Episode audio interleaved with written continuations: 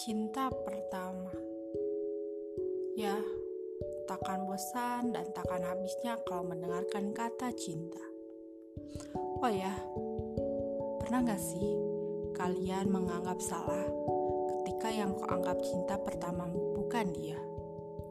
Ya, aku baru saja menyadarinya. Ternyata selama ini aku salah, bukan dia. Ternyata seseorang yang telah dipanggil ke pelukannya 30 bulan yang lalu. Kenapa baru sadari? Karena akhirnya aku menemukan arti cinta yang sesungguhnya.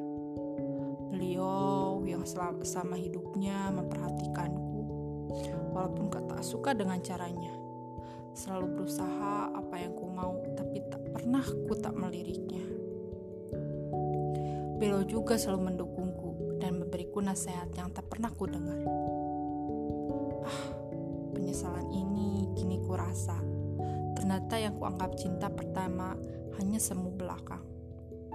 Pria yang kutemui di bangku SMP itu hanya reaksi pertamaku tertarik pada lawan jenis.